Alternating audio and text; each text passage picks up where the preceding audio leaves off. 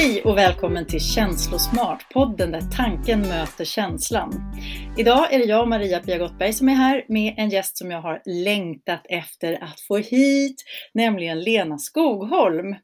Lena är ju författare, eh, en, en oerhört framgångsrik sådan, och eh, beteendevetare. Hon är också utnämnd till Årets talare 2021. Och eh, jag är ja, kan man säga grön av avund och känner sån här härlig, skön medkänsla och eh, glädje att få ha henne här.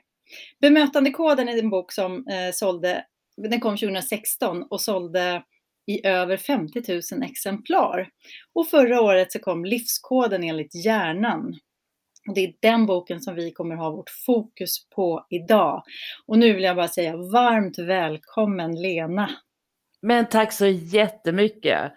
Ja, så roligt att få vara här och få prata om det som ja, både du och jag verkligen brinner för. Verkligen. Vi träffades ju en gång för Eh, drygt tio år sedan tror jag. Och eh, jag var och lyssnade på en föreläsning hos dig och så pratade vi lite efteråt och så har vi haft lite kontakt via sociala medier och följt varandra på håll sådär så att vi vet vilka eh, vi är lite grann så, även om vi inte direkt känner varandra. Men vi har ju verkligen ett gemensamt intresse här som vi ska fokusera på, nämligen vår kärna, hjärna. Och jag tänker, det finns ju massa olika ingångar när man pratar om, om hjärnan som man kan ha. Så det är ju det är bara att hugga ur, ur högen tänkte jag säga. Men jag är lite särskilt intresserad av det här faktumet att, att eh, de allra flesta sjukskrivningar idag är stressrelaterade. Och eh, handlar alltså om att människor har en överbelastad hjärna. Förr i tiden pratade man ju mycket om eh, överbelastade och förslitningsgrader på kroppen och sådär. Men nu handlar det mer om förslitningsskador på vår hjärna. Och där har ju du gjort en enormt viktig insats genom att du har beskrivit de här, det här komplexa systemet som sitter där innanför vårt skallben eh, och hjälper oss människor att förstå eh, varför det är så viktigt och också hur. Så jag tänkte, vill du börja berätta om livskoden? Och jag tänkte på de här, du har ju delat in väldigt mycket där i reptilhjärnan, aphjärnan och människohjärnan. Vill du börja berätta lite om det? Ja men absolut. Om man tittar på hjärnan utifrån ett eh, utvecklingshistoriskt perspektiv så kan man säga att det är som tre medvetande lager. Och hur vår hjärna är uppbyggd, det går hand i hand med evolutionen. Och man kan också se det här på ja, en nyfödd liten bebis till exempel. Den första delen som, som utvecklas när vi ligger i vår mammas mage, det är ju reptilhjärnan. Och sen byggs aphjärnan, däggdjurshjärnan på och senare kommer ju de här eh, funktionerna som är så specifika för vår, oss människor, att vi har vårt logiska tänkande, vi kan tänka i tid, vi lägger upp strategier och går mot mål och sådär. Och, och de delarna, det vill, det vill säga den kognitiva delen som sköter främst då det, allt hänger ihop naturligtvis, men som främst sköter det. Och vårt medvetande, det är de senaste delarna i hjärnan och som jag då benämner människohjärnan. Och det här är ju, att jag nämner dem med de här begreppen, det är bara för att det ska vara enkelt att, att prata om det, enkelt att förstå och använda i vardagen. Sen förstår vi ju alla att det här är mer komplext bakom och det är ju inte som tre legobitar på varandra utan de här hänger ihop och växelverkar och så vidare. Men det som är superviktigt är att ha koll på hur de här medvetandelagren faktiskt funkar hos oss. För då kan vi så att säga samarbeta med hjärnan i vardagen och det är det som jag tycker vi faktiskt behöver göra mer av. Vi ska inte hålla på och köra över hjärnan, vilket ju den här stressrelaterade psykiska ohälsan vittnar om att vi gör i allt för hög grad. Det finns liksom ingen lag att, man, att det ska se ut på det här sättet. Tvärtom så är det ju samhället som det ser ut just nu som, som vi har råkat hamna här, men vi kan göra någonting åt det. Och då tänker jag att vi behöver möta reptilhjärnans behov så att den får vad den behöver. Vi behöver möta aphjärnans behov så att den får vad den behöver och inte minst även människohjärnans behov. Och det är det som är den första delen som jag tar upp i livskoden enligt hjärnan. Just det, och jag tänkte att vi skulle dyka ner i de här tre olika delarna då. Men jag tänkte också få höra först om du vill berätta lite om hur det kommer sig att du blev så intresserad av det här och din historia lite kort. Absolut. Alltså jag har ju varit intresserad av hur vi människor funkar sen jag typ antagligen föddes, höll jag på att säga. Men mitt första minne handlar faktiskt om att jag reflekterar över, jag och mina syskon håller på med något, pappa tar ett foto och jag tänker, åh nu gör de så här mot mig, då känns det så här inom mig. Och det där reflekterandet har jag alltid burit med mig. Och sen i tonåren blev jag så fascinerad av hjärnan. Jag hade, eh, mina föräldrar, dels var vi många syskon, vi är sju syskon, och sedan var det barnbarn och dagbarn och sommarbarn, så det var barn överallt helt enkelt.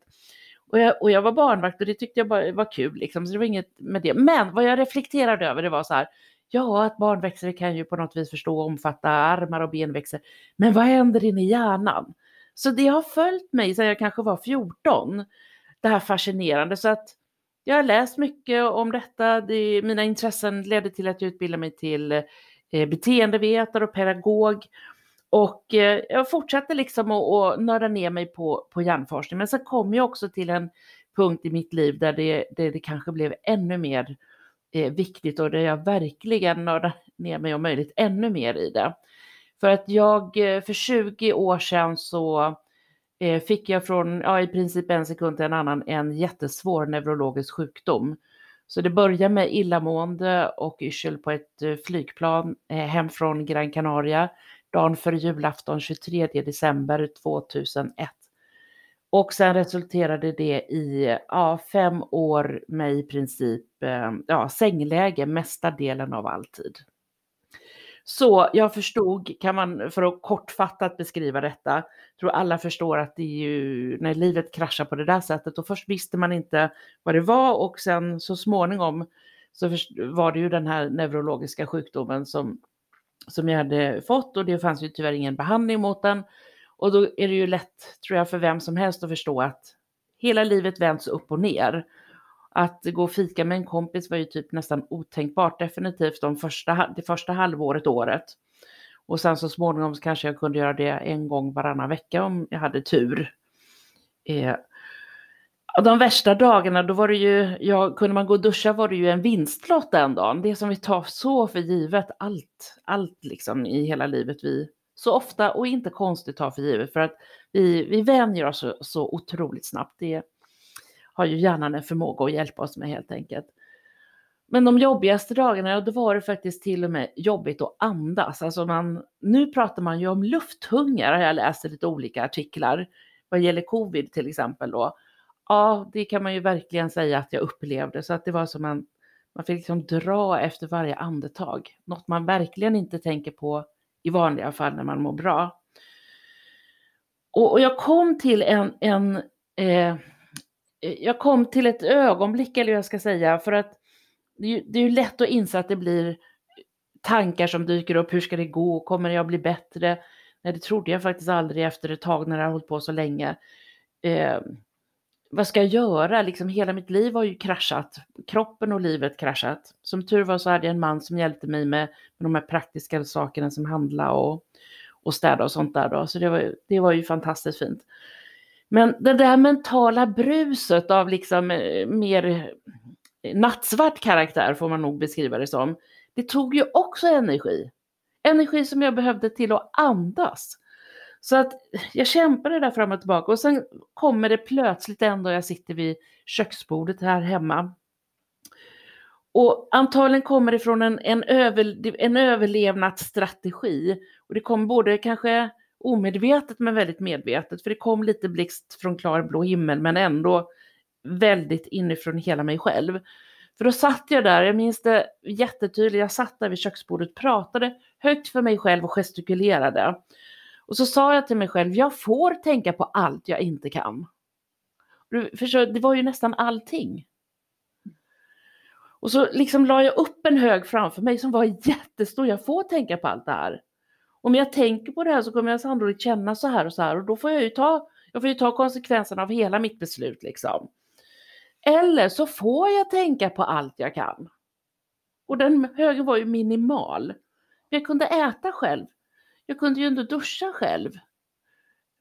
Jag hade tak över huvudet. De här sakerna, ja, som vi så lätt bara tar för givet. Och på något vis där och då så gjorde jag ett väldigt medvetet beslut och det var att tänka på det som jag kan och det var ju ett rent överlevnadsbeslut. För att få lite mer energi, för att inte dräneras på energin som jag så väl behövde till ja, att andas, kunna duscha och så vidare. Och eh, jag hade ju viss kunskap om hjärnan innan så jag visste att det här var bra för hjärnan och sen gjorde ju det här naturligtvis att jag kunde nörda ner mig ännu mer i hjärnan och jag förstod att med en kraschad kropp då är starka hjärnmuskler en synnerligen god resurs. Wow!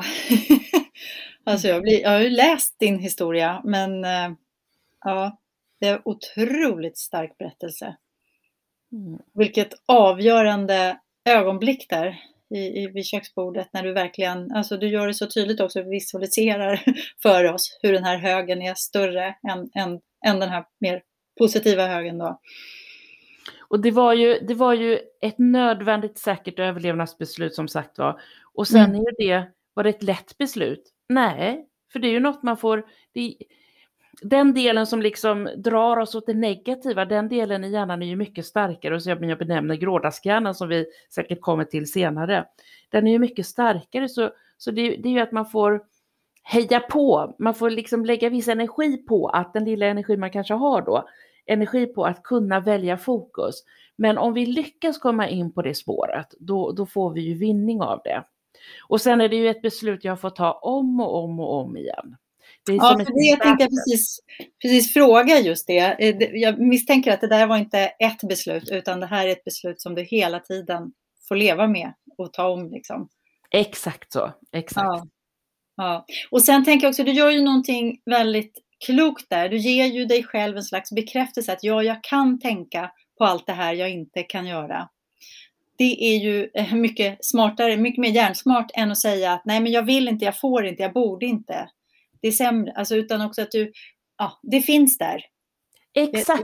Ja. Jag får välja på allt jag inte kan. Det är upp till mig. Mm. Yeah. Och jag får välja att tänka på det jag kan.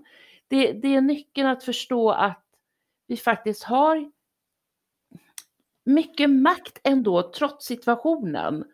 Och, jag, och eh, eftersom jag genomlevt det här som jag i efterhand nästan inte kan förstå hur jag kunde ta mig igenom så kan jag ändå säga det med liksom till hundra procent och från hjärtat att vi även när livet har visat sig från sin tuffaste sida, så hur kan vi leta efter det manöver manövreringsutrymme som vi har? För då får vi tag i, i vår kraft på något vis också. Ja, nej men det där ska vi definitivt återkomma till, för det tror jag eh, det är inte bara du och jag som har fått och kommer att få kämpa med det i livet, utan det tror jag är väldigt allmänmänskligt. Det du nämnde då, den här grådaskhjärnan. Eh, så det ska vi komma tillbaka till. Men jag tänkte, jag jag fastnade för ett citat när jag gick tillbaka. Jag, jag, läste ju din bok Livskoden i höstas, så nu vill jag ju fräscha upp mig lite. Och då var det ett, ett av alla saker jag hade, liksom, meningar jag hade strykit under där. Och det är energi i hjärnans valuta och därmed din livsvaluta. Och det är mycket det som du har berättat om här. Så jag tänker det här med energibudget, vill du prata lite om det? Ja, gärna, för det här är verkligen någonting som jag tycker vi ska lyfta upp på högst upp på agendan faktiskt. Alltså tänk så här, om man tränar jättebra, man äter jättebra och sover bra, men man stressar hjärnet. Det hjälper ju inte. Och det är det att vi behöver förstå vidden av hjärnan och dess olika nivåer och kapacitet. Att det är en del naturligtvis som är viktig, men, men det är så mycket mer. Och gärna gå på energi, 20 till 40 watt menar forskarna. Och jag flikar förresten in, om man är intresserad av eh, att eh, få referenser till det jag pratar om så är man välkommen in på min hemsida lenaskogon.se. För där har jag lagt upp all forskning som jag refererar till. Hjärnan går på energi. När vi blir för stressade eller man blir för trött eller det är påfrestningar helt enkelt. Du vet, som våra mobiler. När man, min mobil är så här att om batterinivån blir så låg så den går ner till 15 procent, då får jag alltid en avisering. Endast 15 procent kvar, vill du aktivera energisparläge? Alltså som en metafor på samma sätt i vår hjärna. När vi kör på för mycket, och hur lätt är inte det i dessa tider? Alltså, eller det har varit hela det här, det som vi har genomlevt de sista åren här, med så mycket tuffa påfrestningar av olika slag. Och så ska man kämpa på lite till, det är inte konstigt att man blir trött. Men när vi gör av med mer energi än vad vi då egentligen har tillgång till, ja hur ska hjärnan hantera det? Ja, man kan säga förenklat att den stänger av ett program i taget. Och eh, vi använder inte hela vår hjärna och det är ju därför detta är så viktigt med att ha koll på sin energibudget. Se till, så det mest övergripande för att ta hand om sin hjärna, det är att se till, fyll på med energi. Och då har vi ju olika typer av energi. Vi har ju mat, rörelse, sömn. Vi har också liksom det vi tycker om att göra som vi känner att vi blir liksom glada av och får energi av. Allt det där är ju påfyllnad för energier, eh, för, för hjärnan och för vår energibudget. Och likadant goda relationer, det fyller ju på vår, en, vår energibudget jättemycket. Och därmed vår livsbudget. Och allt vi kan göra för att fylla på toppen. Och sen samtidigt ha koll på var dräneras vi på energi? Vad är det som tar energi? Och var riktiga detektiver och kolla av. Men vänta, hur kan jag täta till här så inte det tar? Ska jag vara i alla de här sammanhangen jag är i som tar jättemycket energi eller inte? Så att vi gör medvetna val. Så jag tycker ju att precis som hus ska ju energideklareras och det är ju toppen. Och jag tycker vi människor ska energideklarera oss också. Ja, men det låter ju helt underbart. Jag tänker det är så viktigt att eh, unga människor tidigt i livet får, får kunskap om det här. Och det tror jag ju, där, jag kan inte tänka mig något annat än att det också sprids ute i skolor och så på ett annat sätt idag än när du och jag växte upp kanske. Dels för att kunskapen är mer spridd och att vi vet mycket mer nu eh, än för bara kanske 30 år sedan. Så det känns ju jätte, jätteviktigt. Men Alltså jag tänker också här, du säger att med, med de här sakerna som vi mår bra av, eh, att vara med människor som, och vara i sammanhang och göra saker som vi mår bra av. Jag lyckades ju ändå ta mig in i den där berömda väggen, trots att jag egentligen nästan uteslutande befann mig i sådana här positiva sammanhang. Så att det handlar inte bara om att fylla på med allt det där, utan det som, det som jag då slarvade jättemycket med, det var ju den här återhämtningen där är det ju, och det märker jag när jag är ute och föreläser och träffar människor så där och pratar om det här, att eh, jag brukar använda några Paul Gilberts här eh, motivationssystemen eh, som du också tar upp i boken, om jag inte minns fel. Men att befinna sig i det här utforskande systemet som är så Alltså det är ju så härligt att vara där. Det, det, det, liksom, det bara pumpar ut massa härliga eh, dopamin och endorfiner och det känns ju helt fantastiskt att vara där. Men även när vi är där kan vi ju liksom Eh, köra slut på oss. Och det märker jag då som sagt när jag är ute och träffar människor att det är väldigt många som blir väldigt berörda av det därför de känner igen sig. Så. Vad, vad, vad är dina tankar? Vad, vad ska man tänka på om man, om man liksom inte har den här så kallade negativa stressen utan kanske mer den så kallade positiva stressen? Han som benämnde ordet stress för, för att och är liksom eh, stressforskningens fader, han delade in stress i fyra olika kategorier. En var positiv stress, en är negativ stress när vi, det händer oss något negativt helt enkelt. Och den andra var när vi gör för mycket och den fjärde var när vi gör för lite. Just det.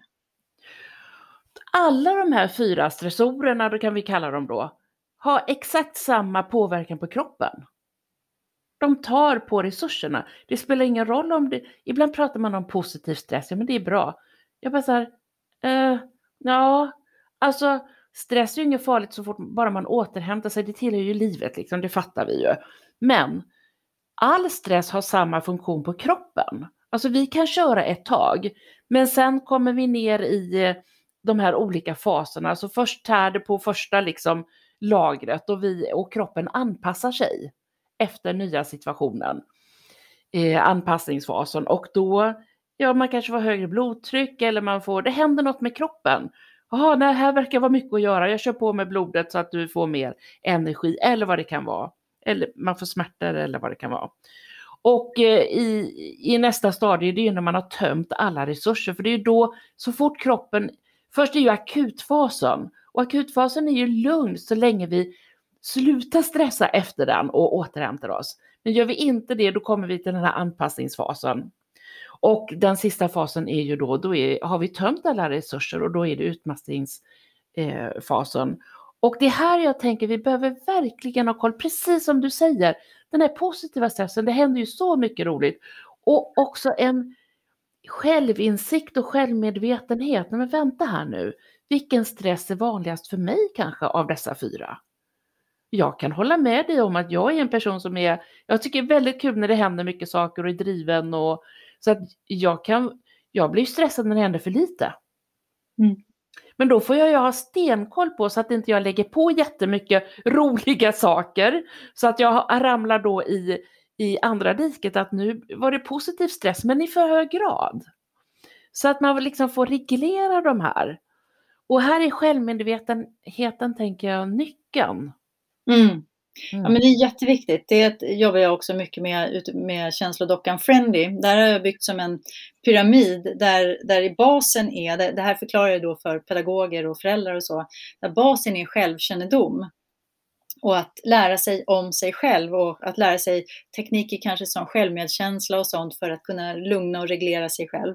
Och efter det så är det då empati och medkänsla med andra. Därför att jag menar, jag måste ha lite koll på mig själv och skapa något slags eh, ja, kontakt med mig själv för att kunna liksom rikta mig mot andra och ta in andras känslor och behov och tankar och allt det här. Va? Och sen eh, handlar det om, om kommunikation, att förstå hur kommunikation, hur min inre kommunikation påverkar mig och hur min kommunikation påverkar andra och att jag också blir påverkad av andras kommunikation.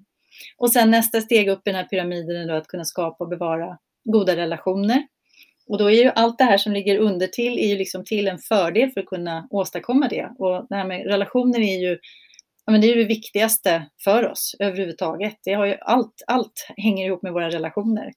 Och sen högst upp i den här pyramiden, där blir, brukar jag då placera problem och konflikthantering. För problem och konflikter kommer vi alltid ha i våra liv. Men att man behöver inte lägga så mycket energi och krut på det Eh, i, i familjen eller i en barngrupp eller i ett klassrum om han har liksom börjat nerifrån eh, och jobbat sig uppåt i den här pyramiden. Nu ser ju inte läroplanen ut så i, i varken förskolan eller skolan så att man har någon, någon sån, följer någon sån. Men det kan jag tycka att jo, men det borde det visst göra och att man borde få hjälp att lära sig och förstå liksom, sina känslor, sina tankar, sitt beteende och vad är vad. Bara och det där kan barn lära sig ganska tidigt i livet om de bara får verktyg och liksom guidning i det där av kloka vuxna. Jag håller helt med dig. Det skulle vara första årskursen. Mm. Att lära sig om det, lära sig om hjärnans funktioner tillsammans med det.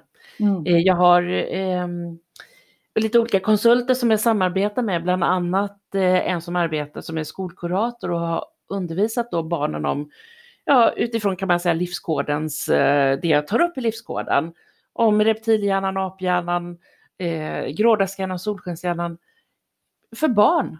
Och de fattar ju direkt. Och då blir det också så här, nej men det var inte, och, och nu råkar jag hamna i reptilhjärnan. Man får ett språk om det och så fattar ja. alla, ja, då är reptilhjärnan, men då får vi göra så här och så här. Vilket gjorde att man inte dömde varandra lika mycket. Utan man, det, det, blev som en förståelse och därför tycker jag just också att förståelsen om hur vår hjärna funkar är för oss, för oss ett slags skyddsnät. Jaha, nu händer det här. Istället för att vi ramlar så djupt ner. Mm, ja, men verkligen. Ja, underbart. Härligt att höra att det sprids ut i, i, till barn och unga också. Så viktigt. Ja, vad känner du? Ska vi dyka ner lite grann i de här olika hjärn, eh, liksom, eh, modulerna eller delarna eller vad man ska kalla det. Och ska vi börja med människohjärnan då? För du, du har ju varit inne på det här med när du pratar om energibudget då, att det handlar om att eh, fylla på med energi och spara energi. Och eh, vad, vad, vad, liksom, vad mer gör man för att bygga sig en stark människohjärna? Jag tror du har ett kapitel i boken som heter så ungefär va? Exakt ja, mm. koden till en stark eh, människohjärna. Man kan säga så här att människohjärnan är som en skör sprinter, men vi använder den som en sån här superuthållig och eh, stötsäker maratonlöpare. Ja, jag älskar dina metaforer. alltså man tittar på, här har vi bland annat forskning från ehm, eh, Antonio Damasio, vi har forskning från eh, ja, precis när jag ska säga det. Han som har skrivit boken, du kanske kommer på det, eh, biologin bakom varför vi gör som vi gör. Robert Sapolsky, där kom det.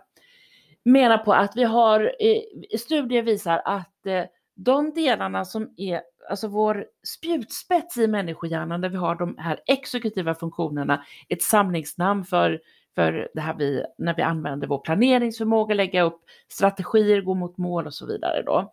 Den delen och vår del som handlar om vårt medvetande, när jag tar medvetna beslut, de två. De har särskilt dyrbara celler. Och varför?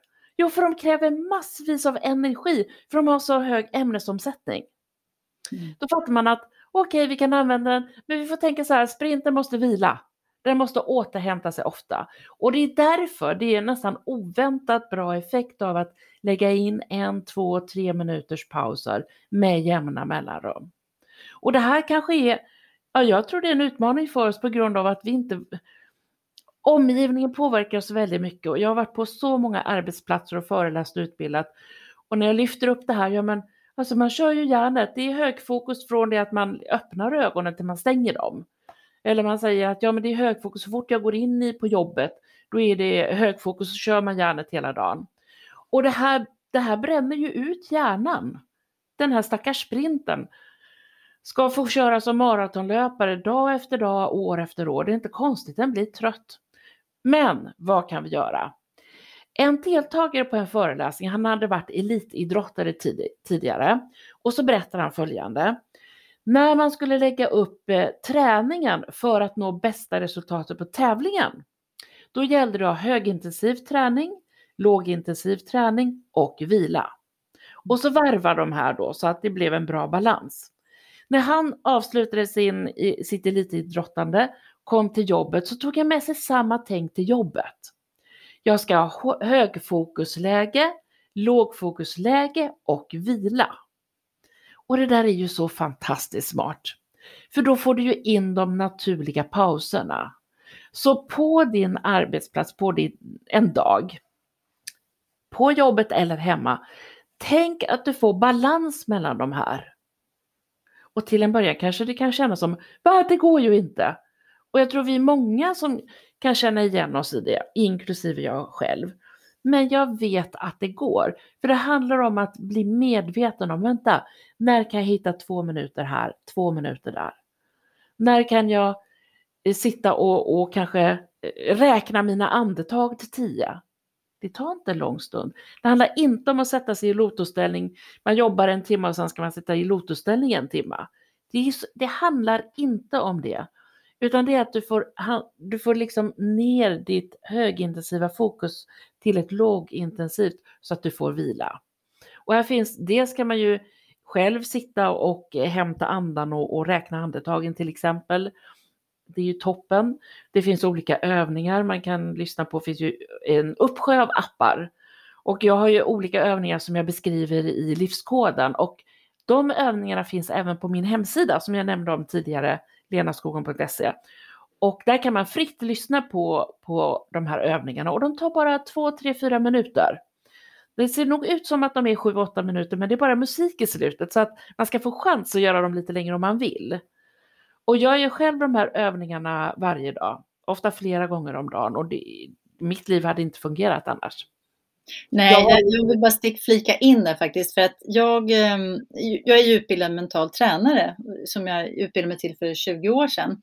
Så att det är lite lustigt att jag lyckats springa in i väggen, inte bara en utan två eller kanske till och med tre gånger, eller två gånger efter det i alla fall. Eh, men det handlar ju om att så länge jag höll igång den där dagliga träningen, eh, mentala träningen och såg till att alltid få återhämtning så hade jag ju absolut inga problem med stressen. Eh, och sen var det sen när jag började slira på den. Och, men nästa gång jag hade sprungit in i väggen då, så nu på senare tid och framförallt det senaste året så har jag verkligen lärt mig uppskatta de här, precis som du är inne på, det handlar om några få minuter. Det är inte det att man måste, liksom, som du säger, sätta sig i lotusställning eller låsa in sig i ett mörkt rum eller vad det nu är. Det, det, kan vara svårt att, att inte göra det i början så att säga, om man, om man har den föreställningen också. Men det är ju faktiskt en träningssak att bara, jag menar som nu innan vi skulle podda, jag menar då tog jag två minuter, bara stängde ner allting och så. Och pang, jag känner verkligen hur mycket energi man får på bara några få minuter. Mm. Och det är en träningssak också. I början kanske det, det, det svämmar över av tankar och lite, det känns som det tar lite tid. Men har du gjort det ett tag så att ett, tu, tre, så på tre sekunder är du nere i lågfokus. Mm. Och det här är ju ett väldigt bra sätt att komma ner i lågfokus. Det är en övning som heter till exempel mental brusreducering som jag beskriver. Jag tycker det är toppen med sådana här brusreducerande hörlurar. För yttre brus, det är toppen. Men vi har ju massa inre brus också. Vad ska man göra? Och därav mental brusreducering. Och det är ju det vi upplever i, i mindfulness och de här olika övningarna. Så att en av övningarna som jag har i boken och som även finns på sidan att lyssna på då. Det har jag slagit ihop kanske ja, tre klassiska övningar som finns i olika sammanhang till en. Så den blir faktiskt supereffektiv. Så man snabbt kommer ner, även om man är lite otränad, eh, så kommer man faktiskt snabbt ner i väldigt så här lågfokus och faktiskt vila för hjärnan. Jag har gjort den i många olika sammanhang i föreläsningar och utbildningar och du vet, det tar två, tre minuter och sen alla superavslappnade. Eh, och undrar vad jag har gjort, men jag har inte gjort någonting mer än sagt det där. Och, så att det är en sån hjälp för oss att ha med, liksom, det är som en liten, eh, då hjälper vi vår hjärna på traven. Så därför behöver vi ta hand om människohjärnan på det här sättet och vårda den ömt. Och verkligen förstå att människohjärnan och de här spjutspetsdelarna jag pratar om, det är universum mest, alltså det är de mest komplicerade eh, utvecklade organ vi känner till. Alltså det är mest utvecklande och komplicerade vi känner till. Mm. Det har tagit evolutionen miljontals år att mejsla fram det här. Och nu har vi fått den som gåva i vår hjärna. Hmm? Ska vi köra över den eller ska vi ta hand om den? Hmm. Fullt ös medvetslös. alltså det är så vi lever, kollektivt mm. så. Mm. Eh, och allt fler dukar under. Det, det, är ju, du presenterar det så fint, så du, alltså då förstår man verkligen vilken vacker skapelse det är. Eh, det är verkligen det och vilken gåva att, att vara en, en av de utvalda som faktiskt får ha den mänskliga hjärnan. Mm. Mm. Mm. Jag tänker vi ska visa omsorg om vår hjärna som att det vore ett älskat barn. Det tänker ja. Mm. Det är inte riktigt så jag brukar tänka när jag kör fast, när jag hamnar i grådaskhjärnan. Jag... Men eh, jag ska lyssna på din röst och jag ska gå in och lyssna på, dina, på din sida där. Helt fantastiskt att du har... Eh... Och jag vill flika in här nu att även om jag har jobbat med det här i, i 20 år, jag har känt till det ännu längre, är det så att jag bara så här, alltid funkar det så? Nej, det är klart att jag ramlar ner i de här olika fall, fällorna och eh, grådaskarna får mig i sina klor och sådär. Men det som är fint, det är just det jag nämnde om att kunskapen ger, ger oss ett skyddsnät. Vi ramlar inte vidare ner och ner utan vi är medvetna om, jaha, nu händer det här. Ja, jag vet, jag är jättetrött, kanske man är lite sjuk också och kanske det har hänt något som, som belastar också. Då vet man, vänta, idag är det en trött dag, ja då tar grådaskarna lätt över. För när vi förlorar från vår energibudget och hjärnan går på energisparläge, då, då faller ju även den här solskenshjärnan in i stressdimman och slutar funka. Och då blir ju inte livet så muntert. Men jag säger bara så här, heja oss! Vi ska bygga hjärnmuskler.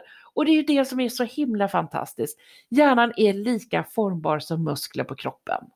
Det vill säga att muskelceller och nervceller de, de förändras av träning och av det de är med om. Så alltså för längre tillbaka till tiden så visste man ju inte att muskler man kunde hålla på att träna dem. Det tycker man ju låter superkorkat idag. Men jag tycker vi behöver uppdatera vår kunskap om hjärnan och tänka precis på samma sätt om hjärnan som vi gör med, med, muskler. För vi har vissa delar som är starka i hjärnan som vi tar över. Grådaskhjärnan har vi nämnt och så har vi svagare delar. Så vi behöver se till att få balans mellan grådaskhjärnan och solskenshjärnan som vi kommer in kanske lite mer på sen. Men också balans mellan då reptilhjärnan, aphjärnan och människohjärnan. Människohjärnan är ju den senaste delen. Ju senare del, desto svagare. Så om inte den liksom är fit for fight, då vill de andra delarna ta över. Men är det då, när jag hör dig säga det på det viset, ska man tänka då att man, om, liksom, man ska träna sin människohjärna om man, om man är ny på det här liksom, och känner att nej men nu, nu blev jag inspirerad när jag lyssnade på Lena här. Ska man fokusera på människohjärnan först? Det hänger ju ihop, det är ju detta. Om vi tar alla bara som är övergripande. Människohjärnan, det, dess behov är ju den här att vi återhämtar, att vi inte använder, vi sliter inte på den i onödan. Aphjärnan, ja vad handlar det om? Däggdjurshjärnan utvecklades ju när däggdjuren eh, uppstod i evolutionen. Och vad var det för specifika liksom, funktioner som behövdes då? Jo, man gick från reptildjur solitär till flockdjur. Man behövde ha koll på flocken. Jag behövde ha koll på, känns det bra mellan dig och mig, flockmedlemmen där? Känns det bra med flockledaren? Vi vårdar relationer, kollar av att det känns bra. Känslocentret utvecklades förenklat. Alltså, det vi, det vi behöver se om i aphjärnan, det är det som är faktiskt vårt signalsystem. I trafiken, du vet, då har vi ju eh, signalsystemet med trafikljus. Det kan vara röd, ja, med rödljusen pratar man om ibland, men vi kan ju kalla dem grönljus lika väl. Men det är ju för att trafiken ska flyta väldigt bra. Och eh, kroppens signalsystem, det är ju känslorna. Känslorna ska putta dig i en viss riktning för att du ska må bra. Är du hungrig?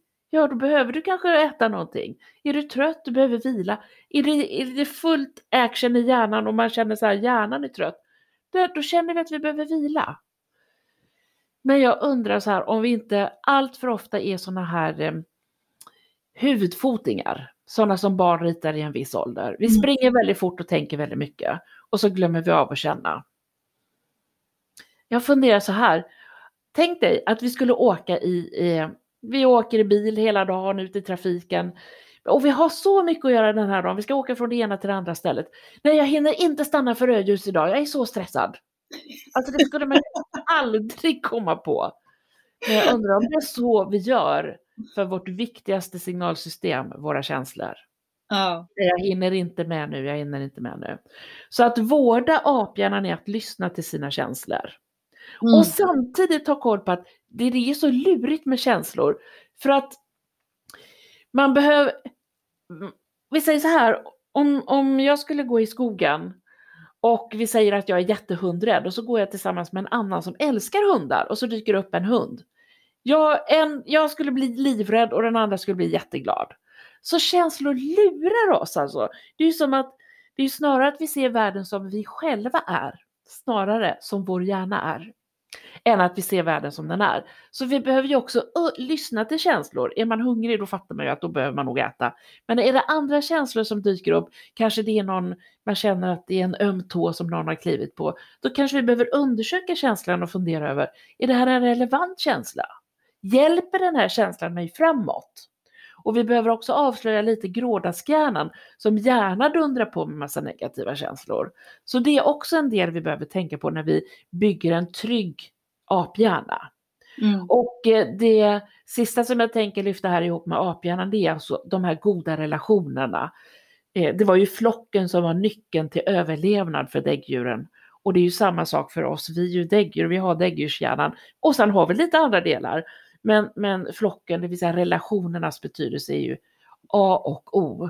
Till och med så att forskning visar att det, visar, det verkar vara den mest avgörande faktorn för god hälsa, goda relationer. Inte att man har ätit exakt rätt och, och tränat exakt rätt och sovit. Det är också bra, det kan vi inte bortse ifrån.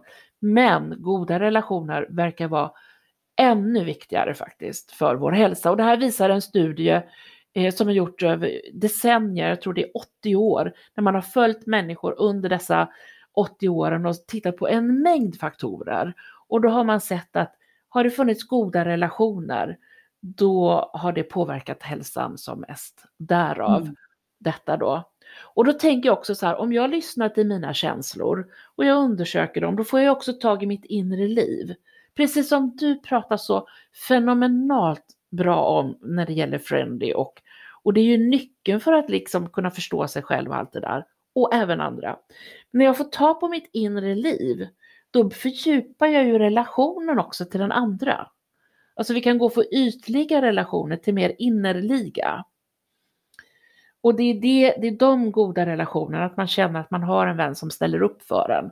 Man har dem man kan lita på, inte att man har 20 personer man kan ringa och gå ut och ta en öl med, utan det är de här innerliga goda Just. relationerna. Där skriver du också om det här med vikten av sårbarhet och att eh, dela känslor och allt det här som är en del av det du sätter ord på där. Ja, ja. och när jag mm. skrev boken, alltså det slog mig nästan att det här, det värsta straff vi kan tänka ut, ja om man nu inte lever där det finns eh, dödsstraff då, men i, i, i vår del av världen, vad är det värsta straff vi kan tänka ut? Det är ju fängelse. Vad gör vi? Vad är fängelse? Det är att ta bort gruppen från flocken. Mm. Och i fängelse, det värsta vi kan tänka oss där, det är isoleringscellen. Ta bort en person från flocken. Mm. Det är det värsta straff vi kan tänka ut. Då kan vi ju ana vilken betydelse och det är det som är så hemskt också när människor blir deprimerade så är det en, en självisolering. Man drar sig ju undan flocken när man är deprimerad. Du har kanske läst eh, Anders Hansens bok Depphjärnan som kom i höstas också. Där han skriver ju mycket om det där. Så det är också ett, ett, ett annat lästips om man gillar att läsa om de här sakerna som jag tycker är, ja, lär, lär väldigt mycket. Men jag tänkte på det, har du, har du något namn på din aphjärna? Nå, något personligt namn på din aphjärna? Din egen personliga alltså? Nej, vad kul idé. Det har jag inte. Jag vet inte om jag ska skaffa något. Det ska jag fundera på. Vilken rolig ja. tanke. Ja, för att jag, det är inte min egen idé, utan jag lyssnade på en podd med Maria Borelius, hon som har skrivit den här hälsorevolutionen. Och där uppmuntrar hon till, eh, eller om jag läste det i boken, jag minns inte, men, men att man skulle då döpa sin eh, aphjärna. Så att min heter Gloria. Det var ett namn som poppade upp sådär. Eh, hon gillar att dricka vin, hon tycker om att få beröm, hon tycker om att kolla på serier, hon skjuter gärna upp saker till en annan dag. Hon gillar också att känna sig lite bättre än andra människor. och så har hon en rad andra sådana här osmickrande eh, egenskaper då. Men jag tyckte att det var så en rolig idé så att jag, jag, jag döpte henne till Gloria och så listade jag just de här sakerna jag liksom kände att där är där, då, när det där liksom poppar upp i mig att jag vill ta ett glas vin eh, fast jag kanske inte borde en vardag eller, eller om jag vill liksom trycka till min man för att jag liksom vet nog lite bättre än vad han vet i den här frågan. eller när jag är alldeles här för, för lat för att ta itu med de där surdegarna som, som bara ligger på en hög. Då vet jag ju numera att det är Gloria som snackar.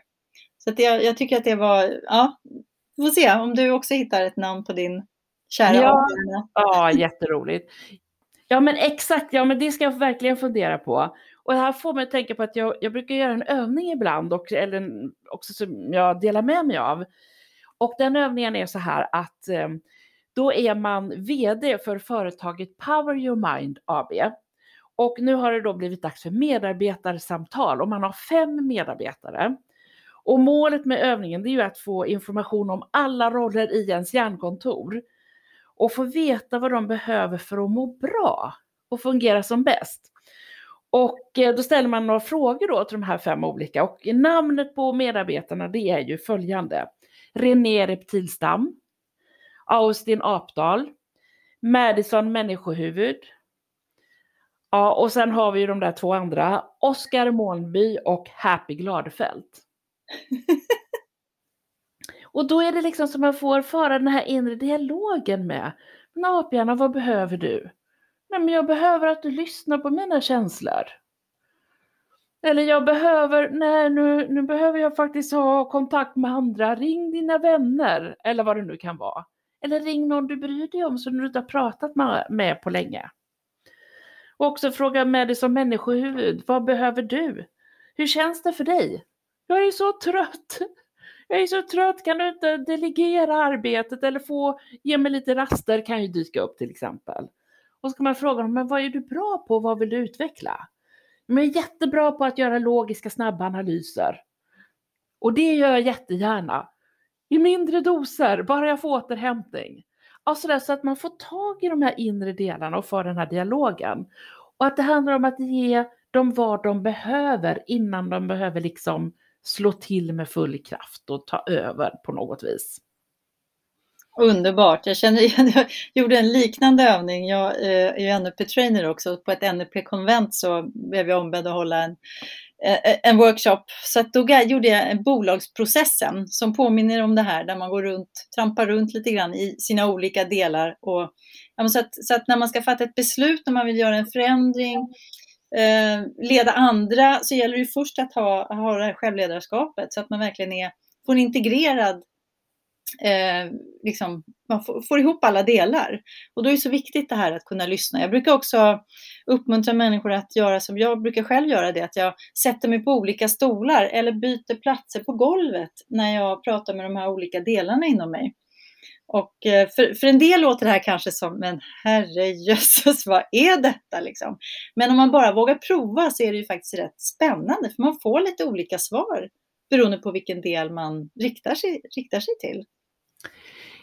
Absolut är det så. Och jag tycker att när jag har gjort den här övningen med Power Your Mind alltså AB, då, då är det som att det blir en otroligt stark självmedkänsla. För allt handlar ju här om att, att lyssna till de här delarna och, och fråga hur de har det och vad de behöver, vad kan jag göra för dig? Det, mm. det, ja, det förändrar faktiskt stämningen i rummet på ett väldigt, väldigt vackert och fint sätt när vi har gjort den i olika grupper. Ja, det låter fantastiskt. Den ska jag absolut ta till mig och göra. Och du, nu har vi pratat om människohjärnan, vi har pratat om aphjärnan och sen reptilhjärnan. Och där kan vi bara konstatera egentligen att reptilhjärnan som jag tolkar det då i det här sammanhanget, så tänker jag att reptilhjärnan, eller rättare sagt, reptilhjärnan sköter våra eh, fysiska liksom eh, olika funktioner, att vi ska andas, vi ska hålla temperaturen, vi ska hålla oss upprätta. Alla automatiska system våra organ, inre organ eh, hanterar. Och då tolkar jag det att vi behöver ta hand om vår fysiska kropp. Och här har vi de här klassiska sakerna som vi kan i sömnen. Man ska äta bra, röra sig, eh, sova bra och däremellan också vila, kanske vi glömmer ibland. Att ha, det är ett väldigt viktigt ben. Så jag, jag pratar om att sätta reptilen på en stol, så den sitter säkert och tryggt på den här stolen med fyra ben. Eh, så att den inte behöver väckas till liv i onödan. Och naturligtvis är det grunden för energitillförsel. För det, för det, hjälper ju ingenting om man inte har ätit och sovit, liksom slarvat med det i flera dagar. Vem orkar tänka då? Ens? Det gör man ju inte. Så att det är ju grunden för både att både aphjärnan och människohjärnan ska fungera bra. Så där ja. har vi dem. Där är de allihopa och jag tänker just de här basala fysiska behoven eh, är lite ja, men ibland behandlar vi oss själva, liksom behandlar de behoven väldigt styrmoderligt. Och så tänker man inte på att om man prioriterar att få sova och, och gör den här, så att man får den här vilan och avkopplingen emellanåt och äter liksom bra och ja, tar hand om sig på de sätten och rör lite på sig och så, så, så kan det ju ske otroligt mycket liksom bara genom det. Sen kan det vara ett enormt, alltså det kan vara en väldigt hög tröskel om man har svårt att sova exempelvis. Men, men eh, att, det går ju också att söka hjälp med de här sakerna. Att vi behöver inte alltid tro att vi ska klara allting själva. Men har vi sprungit på för hårt så vi kanske inte kan sova, vi ligger och snurrar på nätterna så ja, men ta hjälp. Det finns och sen, hjälp. Exakt ja, och sen att man gör det lite lätt och lagom helt enkelt. Inte att det ska bli asketiskt eller jag, jag tycker ibland att det är sånt fokus jag tänker på i i det, ja, där, i det samhälle vi lever med ätstörningar och problematik och ideal. Och jag tycker vi får ha lite mer löst förhållningssätt till detta så det inte blir så där slaviskt. Och också att det, det, räck, det är ju inte allt för hälsan heller. Jag tycker, jag tycker att vi behöver också uppdatera de andra sidorna eh, som är så viktiga för hälsan med goda relationer och även ta hand om vår människohjärna. Så att det inte blir slagsida åt eh, ja, det är inte bara reptilhjärnan som behöver sitt. Och så ska vi inte, så, så vi inte lägger all kraft på det, utan ett litet löst och ledigt sätt. Och mm. tänk att det här är ju inte heller något man ska lösa på en kvart eller närmsta veckan eller månaden, utan det är ett förhållningssätt till livet. Att omfamna och ta hand om hela sin hjärna. Mm. Ja men verkligen, den säger vi amen på. ja. ja, men Ja, ja men jag har ju massor med andra frågor, så här, men vi, vi måste hinna med det här spännande också med grådaskhjärnan och sol... Vad kallar du det nu då? Sol... Solskenshjärnan. Ja, solskenshjärnan, ja precis. Jag var tvungen att kolla ner mina anteckningar här. Eh, för det, det där tycker jag är så spännande, just utifrån jag är ju i grunden positiv, eh, har lätt att se möjligheter och allt det här.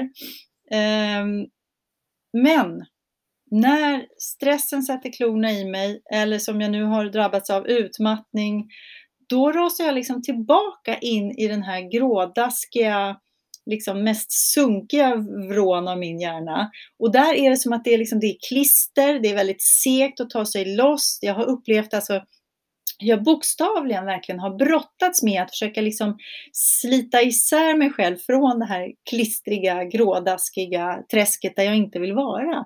Hur oerhört utmanande det har varit under den här utmattningsperioden. Jag har verkligen inte känt igen mig själv och det har i sin tur orsakat eh, sorg och, och stress också. Ska det vara så här nu? så? Så jag är förstås jättenyfiken på dina tankar kring de här eh, metaforerna som jag tycker återigen är så, så bra. Så berätta för oss.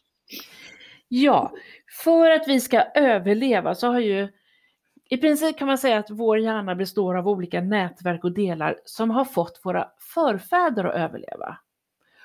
Man kan säga att vårt medvetande och vårt logiska tankar, våra logiska tankar är byggt på en uråldrig biologisk maskin. Och den hade ju bara ett uppgift att se till att organismen, den här överlevde. Och därav grådaskhjärnan. För vad skulle man kunna säga att grådaskhjärnan är? Och för att nämna forskningen bakom så har vi ju Richard G. Davidson har lagt grunden för förståelse för det här. Och det har ju utvecklats av flera forskare, bland annat professor Elaine Fox det har visat sig att om, om man upplever mer positiva känslor så finns det en del i hjärnan på vänster sida, framlob, som blir mer aktiv när man gör olika mätningar med fMRI-kameror och liknande. Och med mer negativa eh, känslor så blir det mer aktiv på höger hjärnhalva. Eh, och till exempel, jag vet inte om du har träffat någon person som har fått en allvarlig stroke som inte har gått över? Nej, men eh, jag kan bara flika in att min pappa, han, han överlevde inte det, men han hade en hjärntumör och den satte sig på höger. Och han var väldigt positiv, för de fick operera bort stora delar där. Så han gick liksom leende in i döden kan man säga. Eh, han hade inte tillgång till det här negativa alls på samma sätt längre. Exakt, där har du det. Och det här vittnar om, jag träffade för ett tag sedan eh, en arbetsterapeut som hade arbetat med strokepatienter och så fort det var en eh, stroke då på vänster sida som hade drabbat även den här delen med positiva känslor, då visste de, jaha det, det är vänstersida, då, då blir det depression. Då var det antidepressiva. Ja. Alltså det var så vanligt så det var deras första tanke. Så här ser vi på ett sätt hur de funkar i vardagen. Men om vi tar oss vanliga då, om man tittar på de här delarna som jag har valt att kalla bara av pedagogiska skäl, att det ska vara enkelt att prata om och ta till sig så man får riktig nytta av det i vardagen. Det är ju det som är, är jag tycker är det viktigaste. Solskenshjärnan och grådaskhjärnan, vilken är starkast? Ja, dessvärre den där grådaskhjärnan. I nuet åtminstone ska vi lägga till. För den, har, den, vi får tänka oss att det är som en, att vi har ett gäng med Säpovakter innanför skallen som går och letar efter fel 24-7. Och vi, vi kan ju liksom, men tack, tack Rådaskarna för att du jobbar så bra. Tack så jättemycket. Du kan få vila dig lite nu. Jag ska lyssna lite vad Solskenshjärnan har att säga om saken. Skulle man kunna tänka sig att man kan göra för att hålla då grådaskhjärnan i lite kort koppel. För den vill ju gärna ta över och vara herre på täppan.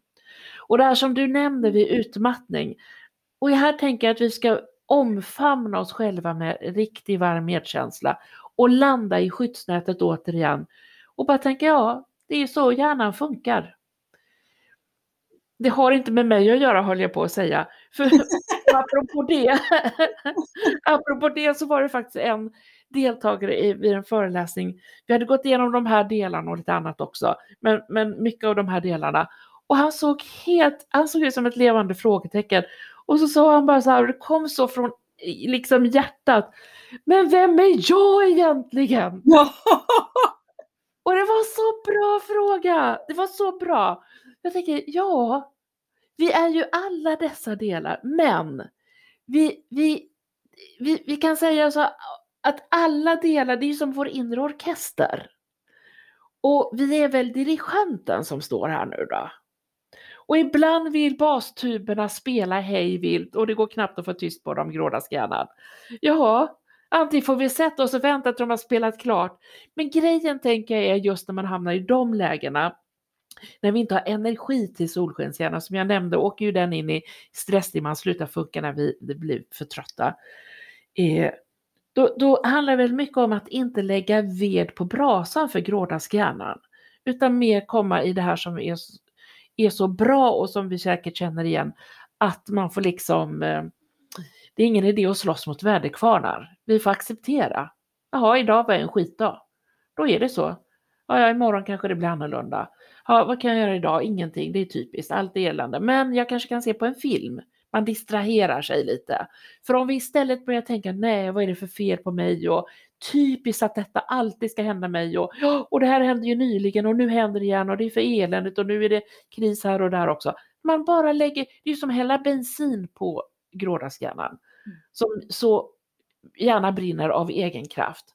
Så det här är ju acceptansläge tänker jag. Mm. Och de dagar vi orkar, för jag tänker att idén med då hur vi kan samarbeta så att säga med grådaskhjärnan och solskenshjärnan i vardagen, det är ju att självklart behöver vi ju lyssna på grådaskhjärnan när vi, vi behöver det. Så hjärnforskare menar att vi behöver en balans mellan grådaskhjärnan och solskenshjärnan. Det handlar ju inte alls om att bara väcka upp solskenshjärnan och så, nu tar jag ett väldigt grovt exempel en person blir misshandlad och säger Nej men jag försöker ändå se det positiva i livet. Alltså det mm. blir helt galet. Mm. Vi har ju känslor som ett signalsystem som vi ska ta på allvar och lyssna på. Och samtidigt vara vaksamma så inte grådaskhjärnan tar över. Det är ju detta som är utmaningen och nyckeln för oss. Tänk när jag satt där vid köksbordet, och det var battle mellan dessa. Mm. Och där var det ju bra för mig att, att solskenshjärnan vann. Och det, mm. det, och det orkar inte jag alla dagar utan då får det bli acceptansläget. Men i grunden så gäller det att hålla grådaskhjärnan lite kort koppel så den inte tar över och sen heja på solskenshjärnan som bara den. Det är liksom grundförståelsen. Och då nämner jag fem tips i boken som handlar om att hålla grådaskhjärnan i kort koppel och fem tips också om att eh, heja på solskenshjärnan. Så den växer i styrka. För det är ju detta som är så underbart. Vi kan ju bygga hjärnmuskler. Alltså kan vi bygga solskenshjärnan starkare och vi kan krympa grådaskhjärnan. Och det här märker man bara på några veckors, alltså egentligen så märker man, om det ska vara en noggrann mätning, direkt hur de här olika nervcellerna byggs eller inte byggs upp på de olika delarna.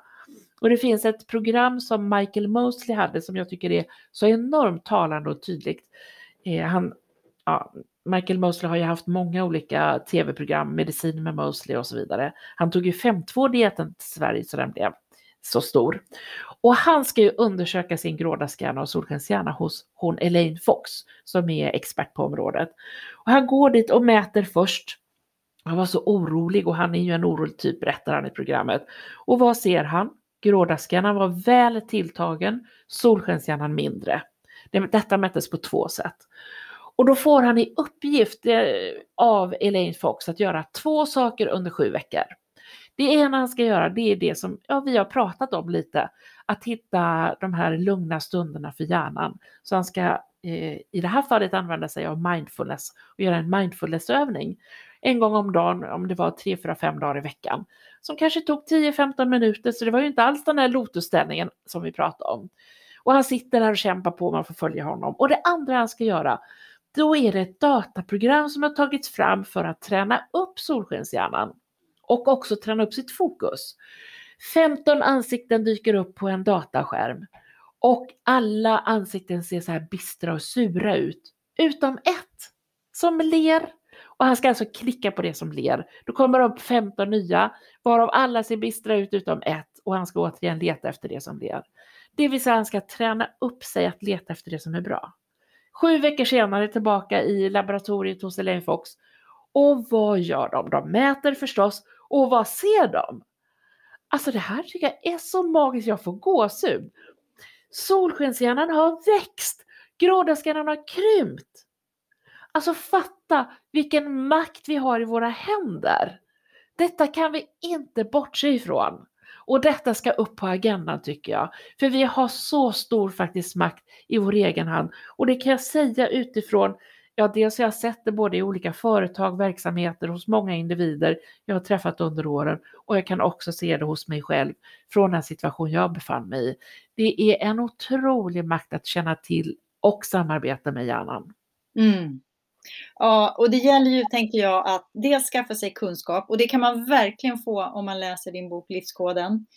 Eh, för att det vi har pratat om här finns där och en massa massa konkreta tips. Det är verkligen steg för steg så här som man kan plocka det man blir intresserad av.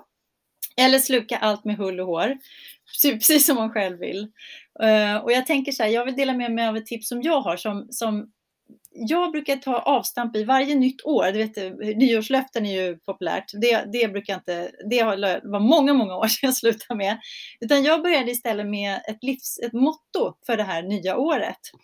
Och nu när jag har ett år i ryggen där jag har varit mycket i min grådaskhjärna så kände jag att jag ville ha någonting som skulle hjälpa mig att komma åt mer av min solskenshjärna. Så då blev årets motto blev le, lek och lev fullt ut. 2022 kan vara det bästa året. Och den där lilla frasen, eh, som kanske låter så här, lite småpatetisk i, i någon, någon annans öra, den är helt fantastiskt laddad för mig, för att jag har laddat den med så mycket om mina värderingar och önskningar och allt det här. Eh, så den säger jag till mig själv varje morgon, minst en gång om dagen i alla fall. Eh, och så liksom känner jag in orden i kroppen och liksom kommer i kontakt med mitt inre sådär och känner efter vad det väcker för känslor. Och det, det är också, alltså, och, det, och det är liksom nästan löjligt, men jag tror att det har gjort skillnad redan, för jag är mycket gladare, känner mycket mer energi och mycket mer positiv. Och vad är vi, vecka fem eller någonting va? Så du förstår, vecka 50, jag kommer ju liksom vara the sky is the limit. alltså det är helt underbart att höra. Det är helt underbart hur vi på det här sättet, och som du så tydligt beskrev med det här sättet som du har gjort, tar makten i våra egna liv. Inte leva våra liv medvetslösa, utan leva medvetsfullt. Mm. Alltså ha, leva medvetet. Och jag tänker det finns ju, det är inte så enkelt att antingen är vi medvetna eller också är vi medvetslösa. Men vi har ju olika grader faktiskt av medvetande. Och ta tag i det där medvetandet, för när vi inte är medvetna då kommer ju reptilen och aphjärnan köra med sitt. Så att antingen kör de över oss eller också står vi där, kliver upp på pulpeten, tar dirigentpinnen i handen och faktiskt dirigerar vår inre orkester, som du så fint beskrev med det här exemplet. Verkligen. Mm. Och det är görbart och även när det känns som att det inte är det, så bara låt det vara den dagen och så ta nya friska tag imorgon. Exakt, och jag vill stryka under att det är, handlar inte om att nu ska man vara sådär check och positiv igen och jag blir så trött. Nej, det handlar om att omfamna alla delar i hjärnan och göra det bästa av det helt enkelt. Mm. Det, det är inte mer än så. Det handlar om att lyssna till sina känslor. Det handlar om att ta hjärnan, hand, gå hand i hand med hjärnan i livet. Åh, det där tror jag får bli våra avslutningsord, Lena. Jättefint. Stort tack för att du ville vara med. Jättespännande att lyssna på dig. Ja, men tack så jättemycket själv. Det var så roligt att få prata med dig och få träffa dig på det här sättet. Tack och hej! Tack, hej!